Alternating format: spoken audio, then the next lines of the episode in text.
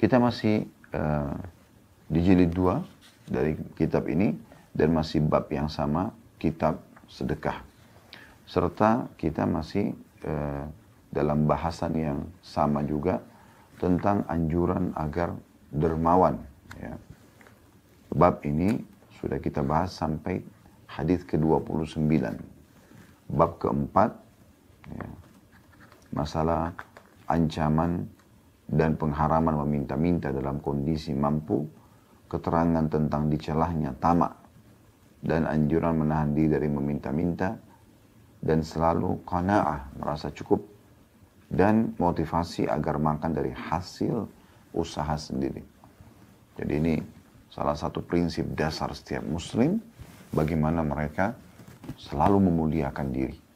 Dan sudah sering kita bahas pada dari pertemuan-pertemuan sebelumnya, di bab ini hadis demi hadis kita coba korek mutiaranya.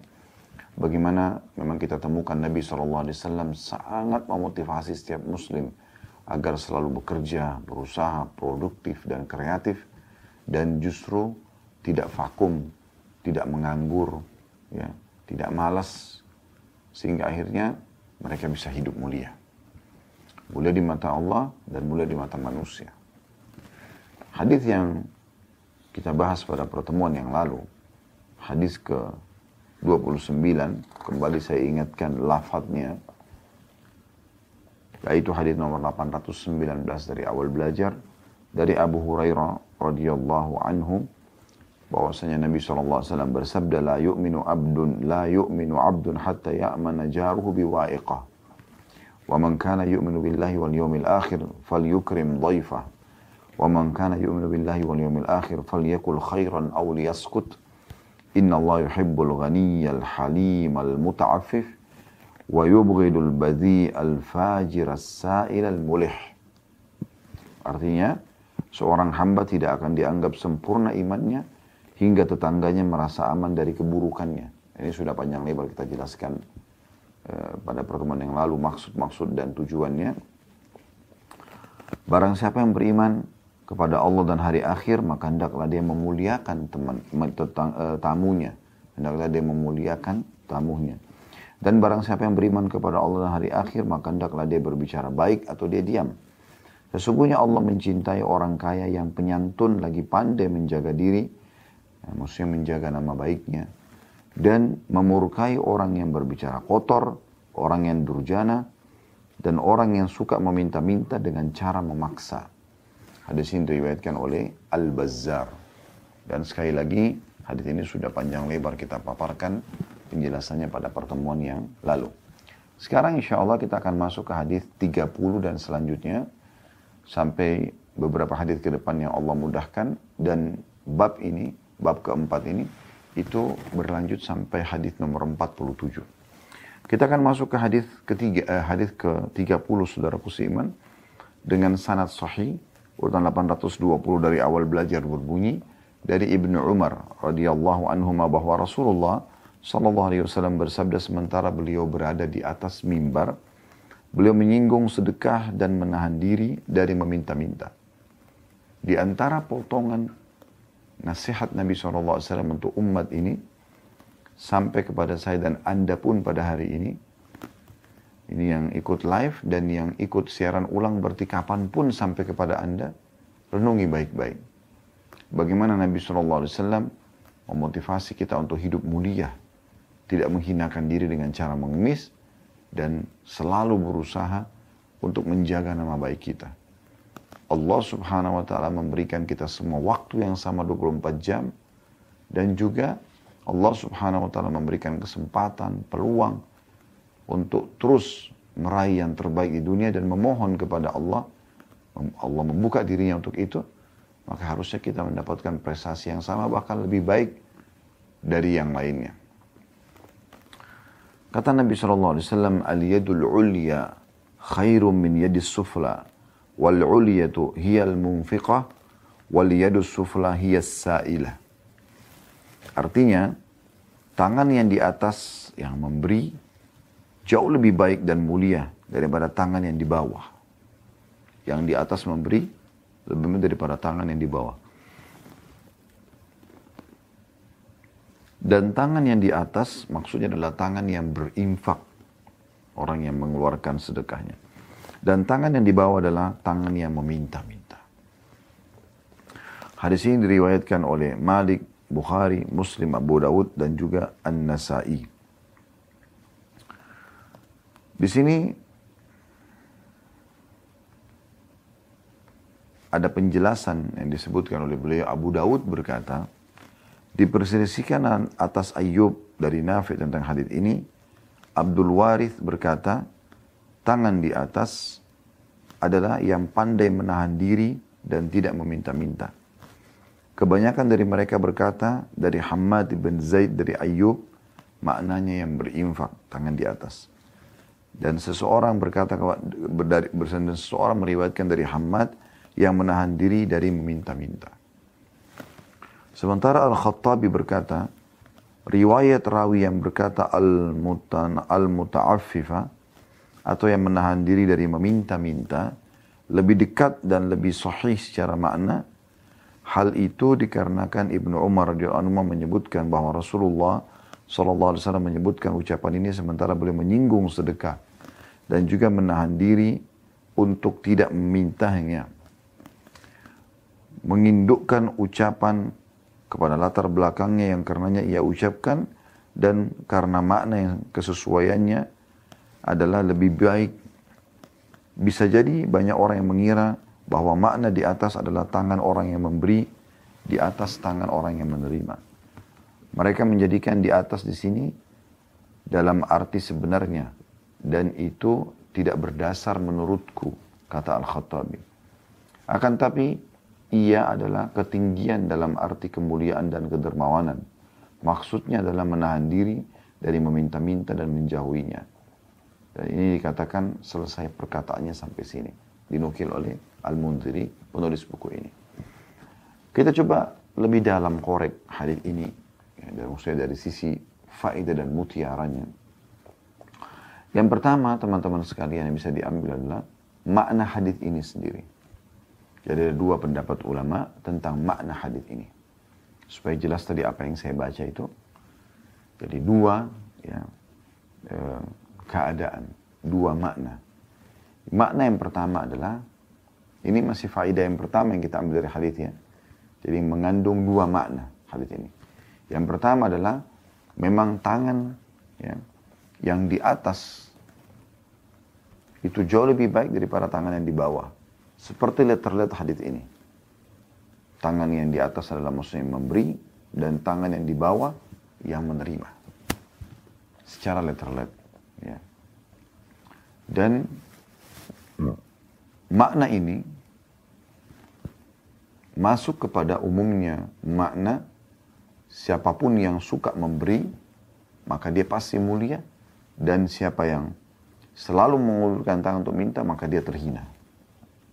Ini tentu ada kaitannya dengan hadis-hadis sebelumnya yang sudah kita bahas ya. Bagaimana Nabi SAW melarang sekali umatnya untuk mengemis. Meminta kecuali dalam keadaan tertentu. Seperti misalnya, keadaan sudah kita jelaskan, ada orang yang punya tanggungan istri dan anaknya misalnya yang wajib dia berikan makan pada hari itu namun dia tidak punya kemampuan. Dan kalau dia tidak meminta, kalau dia tidak punya pekerjaan, kalau tidak minta ke tetangga, minta kepada kerabat, maka mungkin pada hari itu mereka sekeluarga tidur dalam kondisi lapar.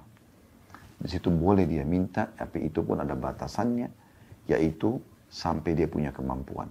Dan bahkan ada beberapa hadis yang sudah kita bahas pada pertemuan yang lalu, tolok ukurnya adalah dia punya makan siang. Ya, dia punya makan siang. Juga uh, tolok ukurnya ya kalau dia punya makan siang berarti tidak usah minta untuk makan malamnya. Nanti kalau tiba waktu malam dan mereka kelaparan tidak ada lagi sumber makanan maka mereka boleh minta untuk makan malam tapi tidak boleh minta untuk besoknya. Ya, karena kalau sudah terpenuhi satu kewajiban makan atau di saat lapar maka berarti dia dianggap sudah tercukupi kemudian makna yang kedua sebagaimana tadi Al-Khattabi menekankan di sini, maknanya adalah ketinggian dan kemuliaan juga kedermawanan. Maksudnya tangan yang di atas pasti tanda kedermawanan. Orang yang suka memberi tanda kemuliaan, kedermawanan ya. Dan juga diikutkan dengan dia tidak pernah minta-minta. Itu baru masuk dalam makna hadis al-yadul ulya. Khairum yadis sufla. Tangan di atas lebih mulia daripada tangan yang di bawah. Ya, maksudnya orang yang selalu memberi dermawan dan menahan diri dia sendiri tidak pernah mau minta, maka dia baru masuk dalam makna hadis ini. Artinya dia dapat menjadi orang yang jauh lebih baik daripada orang yang mengulurkan tangan dan meminta-minta. Apalagi kalau dia minta-minta dalam kondisi dia mampu. Itu bahaya sekali. Beberapa hadis yang lalu sempat kita jelaskan, itu seperti bara api yang dia bawa. Malu masih ingat ya bagaimana Nabi SAW menjelaskan ada sebagian orang yang datang kepada beliau lalu minta-minta. Lalu Nabi SAW mengatakan, sesungguhnya orang-orang seperti ini, sementara Nabi tahu dia mampu. Tapi dia tetap minta gitu. Maka Nabi SAW mengatakan, sungguhnya orang-orang seperti ini keluar dari aku, sementara dia membawa di bawah ketiak yang atau di kantongnya bara api.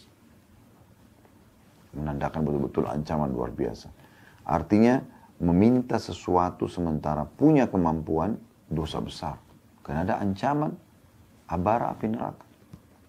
Kita sudah pernah jelaskan di bahasan kitab dosa-dosa besar. Dari mana kita tahu itu dosa besar?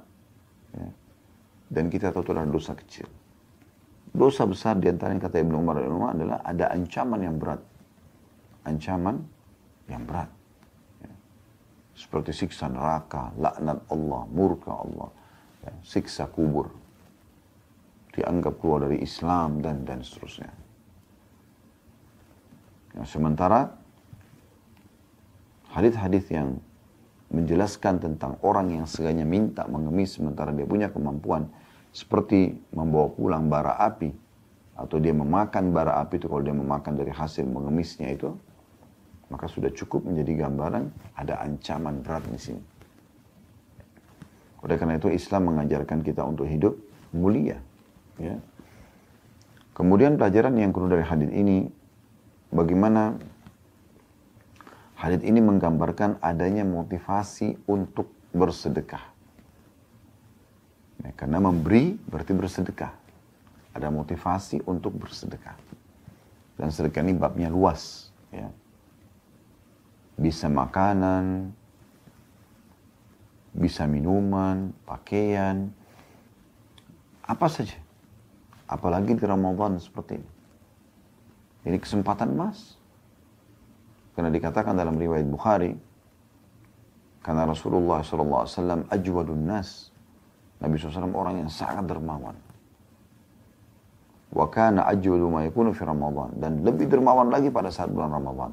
Ini bulan para dermawan.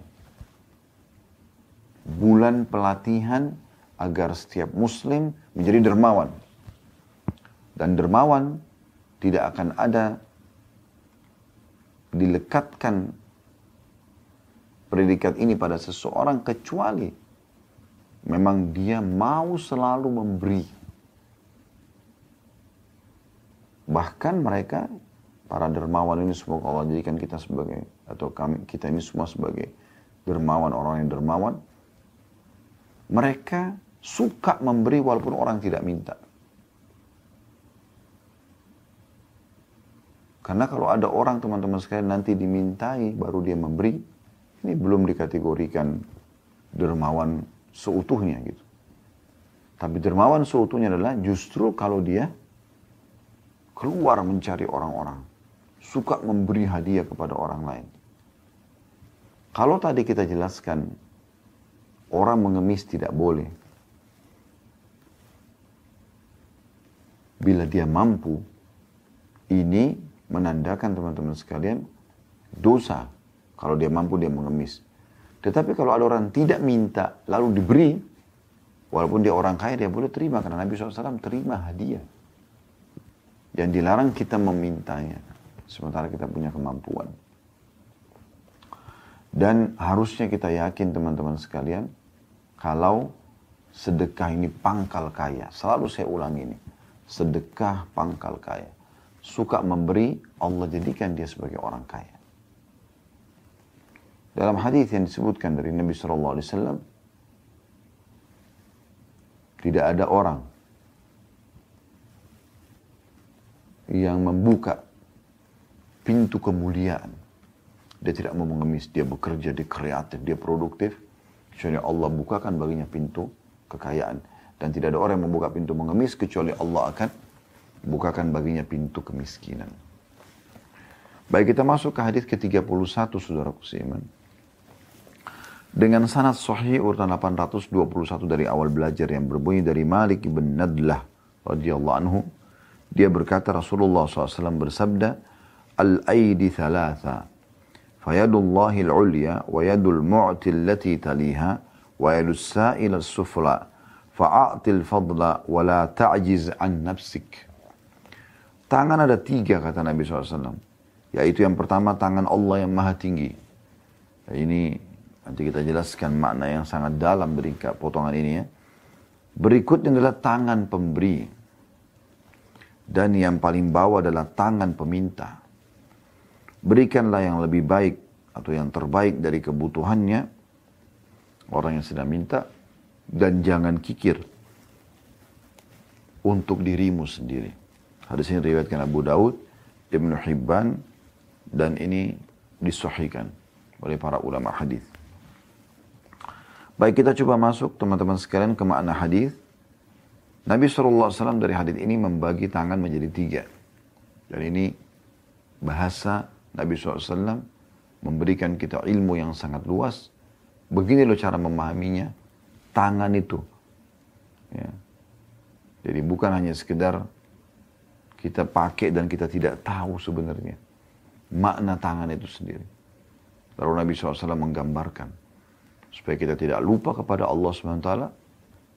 Sebagai pencipta kita mengatakan, atau Nabi SAW mengatakan, tangan yang tertinggi tangannya Allah Subhanahu Wa Taala. Lalu tangan orang yang memberi setelah itu suka bersedekah, dermawan, dan yang terhina tangan yang ketiga adalah yang suka menerima atau men, orang yang minta mengemis ya bukan menerima tapi meminta-minta karena menerima kalau kita diberikan hadiah boleh walaupun kita dalam kondisi mampu tapi kalau mampu dan minta-minta mengemis di sini dia paling terhina. Lalu Nabi SAW mengatakan, oleh karena itu, berinfaklah yang terbaik. Gitu kan. Dan jangan kamu kikir, bahkan untuk dirimu sendiri. Subhanallah, orang kalau sifat memiliki sifat kikir, maka kita akan temukan dia bisa kikir bahkan untuk dirinya sendiri. Dan ini luar biasa, penyakit jiwa, bakhil itu. Penyakit jiwa. Anda bisa coba lihat dalam surah Muhammad ya, ayat terakhirnya. Ya, saya juga akan coba buka. Saya berharap Anda bisa buka bagaimana Allah ya, menghinakan dan juga menyebutkan keburukan dalam surah Muhammad di akhir ayatnya ya, tentang keburukan orang yang bakhil. Surah nomor 47 di ayat terakhirnya ayat 38 A'udzu billahi minasyaitonir rajim Ha antum haula'i tud'auna litunfiqu fi sabilillahi faminkum man yabkhal. Wa man yabkhal fa innama yabkhalu an nafsihi. Wallahu al-ghaniyyu wa antumul fuqara wa in tatawallaw yastabdil qauman ghayrakum thumma la yakunu amsalakum la yakunu amthalakum. Ini ayat terakhir dari surah 47 surah Muhammad. Ya. Kata Allah SWT, ingatlah. Maksudnya pelajari baik-baik. Kamu ini orang-orang yang diajak untuk menafkahkan hartamu pada jalan Allah. Kamu disuruh keluarkan, bukan disuruh nabung. Disuruh bersedekah, disuruh menjadi orang dermawan. Ingatlah kata Allah. Kamu ini wahai muslimin orang-orang yang diajak untuk menafkahkan hartamu di jalan Allah. Maka di antara kamu ada yang kikir. Perhitungan sekali. Nggak mau keluarkan di jalan Allah. Dan siapa yang kikir sungguhnya dia hanyalah kikir dalam dirinya sendiri. Nggak ada manfaatnya. Bahkan untuk dirinya sendiri. Tidak ada manfaatnya. Dan Allah lah yang maha kaya sedangkan kamulah orang-orang yang ya, fakir kepadanya atau bergantung kepadanya, berkehendak kepadanya. Ya, maksudnya yang menyuruh kalian untuk berinfak adalah Allah yang maha kaya. Dan tidak ada perintah untuk kalian pelit, perhitungan dalam bersedekah kepada orang. Di jalan Allah subhanahu wa ta'ala. Itu hanya dari diri kalian sendiri. Lalu kata Allah, dan jika kamu berpaling, niscaya dia Allah akan mengganti kamu dengan kaum yang lain, dan mereka tidak akan seperti kamu. Maksudnya, kalau kalian tidak mau berinfak, tidak mau jadi orang yang dermawan, Allah ganti kalian dengan kaum yang lain. Komunitas yang lain. Yang tidak akan seperti kalian. Artinya, suka bersedekah. Itu luar biasa. Bagaimana Allah subhanahu wa ta'ala tekankan masalah harusnya kita menjadi orang yang dermawan. Saya pernah ingatkan sebuah riwayat pada pertemuan-pertemuan yang lalu saya ingatkan kembali. Pernah Nabi SAW punya banyak sekali ya kurma dan segala macam hal waktu itu di hadapan beliau. Dan datanglah sebagian orang miskin yang minta. Beliau beri, beri, beri, beri sampai habis. Nabi SAW itu kalau bersedekah begitu sampai habis. Setelah habis, masih ada ternyata orang datang minta. Namun Nabi SAW sudah tidak punya apa-apa lagi. Dia tidak tahu harus memberikan dari mana lagi. Maka Umar bin Khattab di sebelahnya radhiyallahu anhu yang merupakan sahabat dan juga mertua Nabi SAW. Mengatakan, Ya Rasulullah, sesungguhnya Allah tidak membebankan anda di atas kemampuan anda. Tadi orang-orang yang datang itu sudah anda berikan. Kenapa anda harus merasa sedih? Sementara pada saat masih ada orang minta dan Anda tidak punya. Nabi SAW diam. Karena apa yang disampaikan Umar rasional. Masuk akal gitu. Tapi Nabi tidak mau itu. Nabi diam saja. Dan Ali bin Abi Thalib di sebelahnya mengatakan, Ya Rasulullah, dia coba keluarkan, dia kalau tidak salah masih punya sekitar tiga dirham. Ini anak mantu Nabi. Ya. Radiyallahu anhu ajma'in. Dia mengatakan, Ya Rasulullah, ini saya masih punya tiga dirham taruhlah di mana pun anda inginkan. Maka Nabi SAW senyum. Dan beliau dengan gembira memberikan kepada orang miskin yang datang minta tadi sambil mengatakan, Bihada umirtu. Seperti inilah aku diperintahkan. Cintai sedekah itu, cintai pemberian. Ini yang diperintahkan dalam Islam. Baik, kita coba ambil pelajaran pertama dari hadis ini. Penjelasan tentang tiga tangan ini Mutiara pertamanya adalah yadullahi hiyal ulya atau fayadullahi ulya. Sesungguhnya tangan Allah itulah tangan yang tertinggi. Dari sini kita ambil isbat, penetapan tentang Allah Subhanahu wa taala punya tangan. Tapi kita tidak boleh samakan dengan makhluknya. Kita imani apa adanya tanpa kita interpretasikan lagi ke makna yang lain. Ya, ini adalah hak Allah subhanahu wa ta'ala. Tentu tidak disamakan dengan makhluknya. Kita mengimani apa adanya. Di dalam firman Allah yang lain, Yadullahi fauka idihim. Tangan Allah di, di atas tangan-tangan mereka. Kita imani apa adanya tanpa disamakan dengan makhluk tanpa mentakwilkan maknanya. Mengalihkan hanya karena tidak bisa ditangkap oleh akal kita. Padahal sebenarnya akal harus menjadi perangkat untuk bisa menerima wahyu. Bukan justru untuk menentang wahyu atau mengalihkan maknanya karena tidak masuk di akal kita. Terlalu banyak penjelasan tentang tajribi ayunina berjalan sesuai dengan pengawasan mata-mata kami. Ya. Kemudian juga banyak sekali hadis yang menjelaskan tentang masalah ini. Seperti tentang ya, Allah itu gembira dengan taubat hambanya. Sifat yang mulia. Tapi tidak sama dengan makhluknya. Allah tersenyum ya, dengan dua orang yang saling bunuh-membunuh. Dua-duanya masuk surga.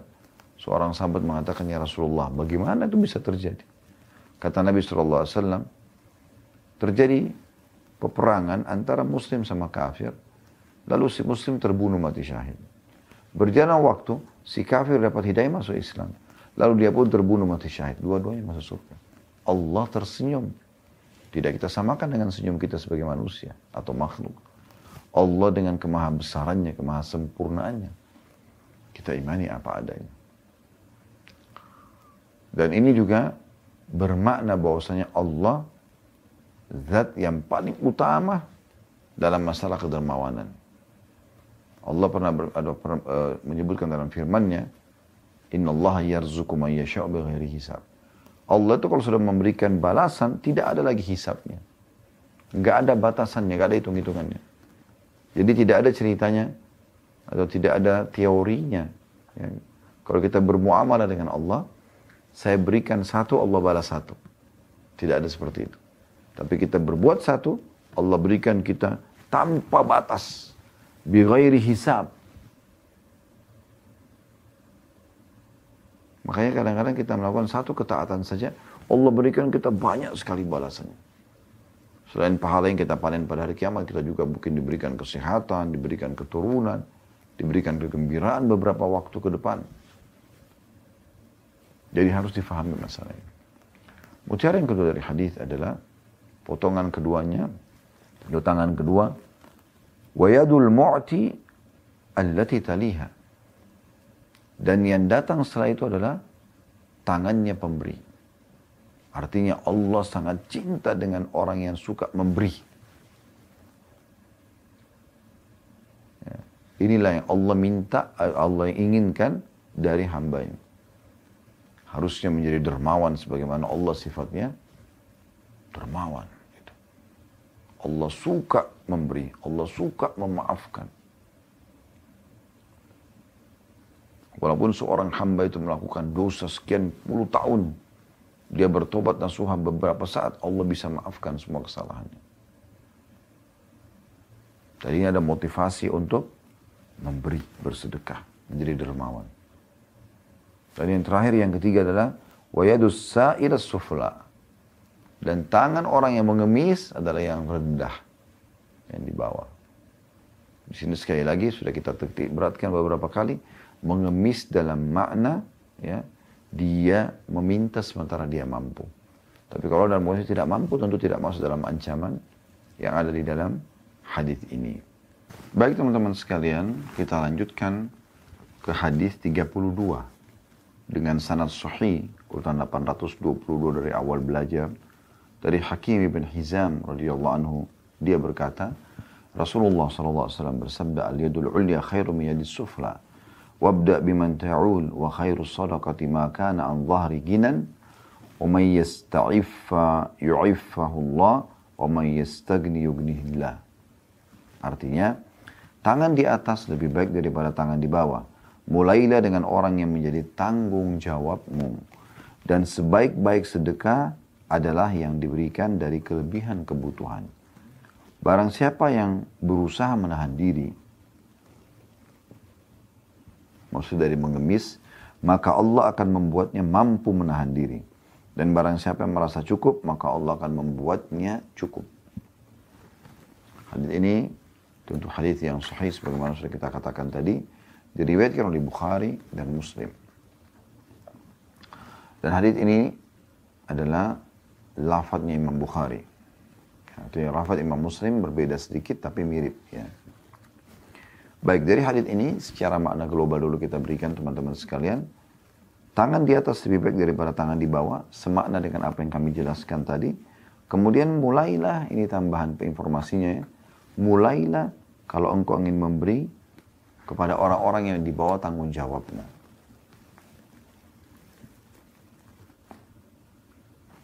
Tentunya akan kita jelaskan panjang lebar nanti sebentar insya Allah. Kemudian sebaik-baik sedekah adalah yang diberikan dari kelebihan kebutuhan. Artinya kita dahulukan dulu kebutuhan kita baru kemudian kita berikan kepada orang lain. Dan barang siapa yang coba menahan diri dari mengemis, Allah akan buat dia bisa bertahan. Ya Dan barang siapa yang merasa cukup, maka Allah akan membuatnya cukup. Ya, ini makna daripada makna global daripada hadis. Baik kita coba korek lebih dalam lagi hadis ini. Potongan pertama aliyadul ulya khairu yadus sufla. Tangan di atas diulangi lagi ya oleh Nabi SAW. Lebih baik daripada tangan di bawah. Dan ini sudah kita jelaskan tadi berulang kali. Bisa dua makna tadi sudah kita jelaskan. Ada yang maknanya memang tangan yang di atas lebih baik dari tangan di bawah. Dalam arti kata pem, uh, orang yang suka memberi. Ada makna yang kedua Al-Khattabi mengatakan adalah, dan dia lebih cenderung dengan pendapat itu, maknanya lebih luas, yaitu orang yang suka memberi, itu maknanya Allah berikan dia ketinggian, sifat menunjukkan sifat kedermawanan, dan juga kemuliaan. Dan dia menahan diri dari minta-minta. Jadi bukan cuma sekedar dia suka memberi, dia pun tidak pernah mau meminta. Ini makna yang kedua gitu kan. Dan sudah panjang lebar tadi kita jelaskan ya. Kemudian potongan kedua dari hadisnya ini tambahan informasi bagi kita yaitu wabda biman ta'ul dan selalulah mulai dengan orang-orang yang terdekat denganmu yang di bawah tanggung jawabmu. Ini dikuatkan dengan riwayat lain tentunya bahwasanya baginda Nabi SAW pernah didatangi oleh seorang sahabat dia mengatakan ya Rasulullah saya punya satu dirham kepada siapa saya berinfak terlebih dahulu kata Nabi SAW kepada dirimu. Dan dia mengatakan saya masih punya ya Rasulullah. Kata Nabi SAW kepada anak-anakmu. Dia mengatakan saya masih punya ya Rasulullah. Kata Nabi SAW kepada istrimu. Ya, sudah tiga ya. Diri sendiri anak dan istri. Orang itu mengatakan, saya masih punya ya Rasulullah. Kata Nabi SAW kepada pembantumu. Lalu dia mengatakan, ya Rasulullah, saya masih punya lagi. Kata Nabi SAW, engkau lebih tahu setelah itu. Apa maknanya? Mulai dari orang-orang terdekat yang dalam keseharian kita bersama-sama dengan mereka. Jadi nggak usah jauh-jauh cari tempat sumber atau uh, untuk kita bersedekah. Tapi orang di sekitar kita cukup banyak. Ya. Itu maknanya. Yang ketiga adalah dan sedekah yang paling baik, sedekah yang dikeluarkan atau diberikan dari kelebihan kebutuhan. Maknanya sudah kita jelaskan dari secara global yaitu setelah dia penuhi kebutuhan dasar diri dia, maka sisanya disedekahkan. Jadi bukan ditabung, tapi disedekahkan. Ini investasi Orang yang investasi kepada Allah subhanahu wa ta'ala tidak akan pernah menyesal.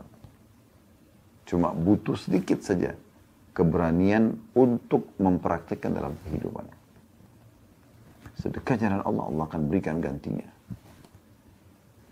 Saya tidak katakan kepada Anda, sekarang sedekah 100 ribu, Anda akan dapat satu detik setelahnya, satu menit setelahnya, 10 kali lipatnya, satu juta. Bukan begitu. Kalau ini nanti akan salah persepsi Anda. Karena nanti banyak orang bersedekah langsung minta spontan Allah balas balas itu dan harus nilai yang sama, harus jenis yang sama. Padahal ini keliru. Allah SWT bisa ganti 10 ribu atau 100 ribu sedekah Anda dengan kesehatan, dengan kekuatan, dengan baiknya pasangan, dengan dengan dengan dan di antaranya juga Allah berikan uang gitu. Tapi jangan mengaling, mengalihkan sendiri. Kalau saya kasih 100 ribu, Allah akan jadikan pahala 10 kali lipat. Pasti saya dapat 1 juta. Enggak. Nanti kalau Allah SWT berikan kepada Anda satu juta itu secara bertahap. Anda akan merasa, oh kok begini ya, misal. Akhirnya meninggalkan sedekah itu. Kemudian yang keempat teman-teman sekalian adalah وَمَنْ يَسْتَعِفَ Allah Siapa yang membuat dirinya cukup atau siapa yang menahan diri Allah akan membuatnya mampu menahan diri. Pelajaran keempat. Artinya Siapa yang coba untuk menahan diri dari mengemis, Allah akan buat dia bisa begitu. Berarti harus dimulai dari diri kita. Bersedekahnya juga menahan diri dari minta-minta gitu. Yang terakhir teman-teman sekalian mau yastagni yugnihillah. Barang siapa yang merasa cukup ya, punya sifat kana'ah merasa ini cukuplah sampai sini. Maksudnya apa yang Allah kasih dari makanan, minuman, oh ini alhamdulillah cukup dia syukuri, maka Allah akan buat dia cukup. Tapi kalau orang biar melimpah-limpah rezeki Allah berikan ternyata dia masih merasa selalu tidak cukup, maka Allah juga buat memang dia tidak cukup. Tergantung daripada niat dia, tergantung daripada niat dia. Ya, ini kurang lebih gambaran tentang masalah hadis ini. Ya. Dan kita akan tutup dengan hadis nomor 33 dengan sanad sahih urutan 823 dari awal belajar berbunyi dari, berbunyi dari Abu Sa'id al-Khudri radhiyallahu anhu beliau mengatakan anna nasan minal ansari sa'alu Rasulullah sallallahu alaihi wasallam fa'atahum thumma sa'aluhu fa'atahum thumma sa'aluhu fa'atahum hatta idza nafida ma indahu qala ma yakunu indi min khairin falan adkhilahu ankum ومن ومن استعف يعفه الله ومن يستغني يغنيه الله ومن يتصبر يصبره الله وما وما أعطى الله أحدا أطاء هو خير له وأوسع من الصبر Hadis ini riwayat Malik, Bukhari, Muslim, Abu Dawud, Tirmidzi dan juga An-Nasai. Dan insya Allah kita akan tutup dengan hadis ini. Ini cukup banyak kandungan-kandungan makna dari hadis ini. Terjemahannya, kata Abu Sa'id al-Khudri radhiyallahu anhu, ada beberapa orang dari kalangan Ansar meminta kepada Rasulullah sallallahu alaihi wasallam. Maka Rasulullah SAW memberi mereka. Kemudian mereka meminta lagi Nabi Rasulullah SAW memberi mereka. Kemudian mereka meminta lagi. Kata Rasulullah SAW memberi kepada mereka. Sampai habis apa yang ada pada beliau. Lalu Rasulullah SAW bersabda, harta yang ada padaku tidak akan aku simpan untuk kalian atau dari kalian.